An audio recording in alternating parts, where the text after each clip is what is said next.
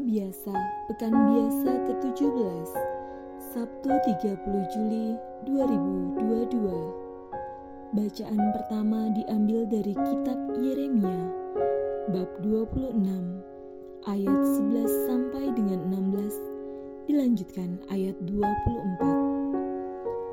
Tuhan benar-benar mengutus aku kepadamu untuk menyampaikan segala perkataan ini kepadamu setelah Yeremia ditangkap karena nubuat yang disampaikannya, para imam dan para nabi itu kepada para pemuka dan seluruh rakyat. Orang ini patut mendapat hukuman mati, sebab ia telah bernubuat tentang kota ini, seperti yang kalian dengar dengan telingamu sendiri. Tetapi Yeremia berkata kepada para pemuka dan seluruh rakyat, Tuhanlah yang telah mengutus aku bernubuat tentang kota dan rumah ini.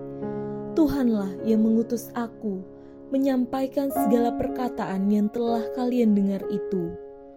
Oleh karena itu, perbaikilah tingkah langkah dan perbuatanmu, dan dengarkanlah suara Tuhan Allahmu, sehingga Tuhan mencabut kembali malapetaka yang diancamkannya atas kalian tetapi aku ini, sesungguhnya aku ada di tanganmu.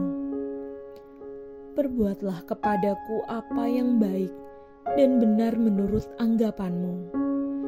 Hanya ketahuilah sungguh-sungguh bahwa jika kalian membunuh aku, maka kalian mendatangkan darah orang tak bersalah atas dirimu dan atas kota ini beserta penduduknya sebab Tuhan benar-benar mengutus aku kepadamu untuk menyampaikan segala perkataan ini kepadamu. Lalu berkatalah para pemuka dan seluruh rakyat itu kepada para imam dan para nabi, "Orang ini tidak patut mendapat hukuman mati, sebab ia telah berbicara kepada kita demi nama Tuhan Allah kita." Maka Yeremia dilindungi oleh Ahikam bin Safan, sehingga ia tidak diserahkan ke dalam tangan rakyat untuk dibunuh. Demikianlah sabda Tuhan. Bacaan Injil diambil dari Injil Matius bab 14 ayat 1 sampai 12. Herodes menyuruh memenggal kepala Yohanes Pembaptis. Kemudian murid-murid Yohanes memberitahukan hal itu kepada Yesus. Sekali peristiwa, sampailah berita tentang Yesus kepada Herodes, raja wilayah. Maka ia berkata kepada pegawai-pegawainya, "Inilah Yohanes Pembaptis." Ia sudah bangkit dari antara orang mati, dan itulah sebabnya kuasa-kuasa itu bekerja di dalamnya. Sebab memang Herodes telah menyuruh menangkap Yohanes, membelenggunya, dan memenjarakannya berhubungan dengan peristiwa Herodias, istri Filipus saudaranya.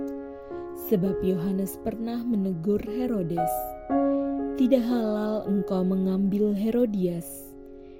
Herodes ingin membunuhnya, tetapi ia takut kepada orang banyak yang memandang Yohanes sebagai nabi. Tetapi pada hari ulang tahun Herodes, menarilah anak perempuan Herodias di tengah-tengah mereka dan menyenangkan hati Herodes. Sehingga Herodes bersumpah akan memberikan kepadanya apa saja yang dimintanya. Maka setelah dihasut oleh ibunya, putri itu berkata, Berikanlah kepadaku di sini kepala Yohanes Pembaptis di sebuah talam. Lalu sedihlah hati raja, tetapi karena sumpahnya dan karena diperintahkannya juga untuk memberikannya. disuruhnya memenggal kepala Yohanes di penjara dan membawanya di sebuah talam, lalu diberikan kepada putri Herodias, dan putri Herodias membawanya kepada ibunya. Kemudian datanglah murid-murid Yohanes Pembaptis mengambil jenazah itu dan menguburkannya. Lalu pergilah mereka memberitahu Yesus. Demikianlah sabda Tuhan.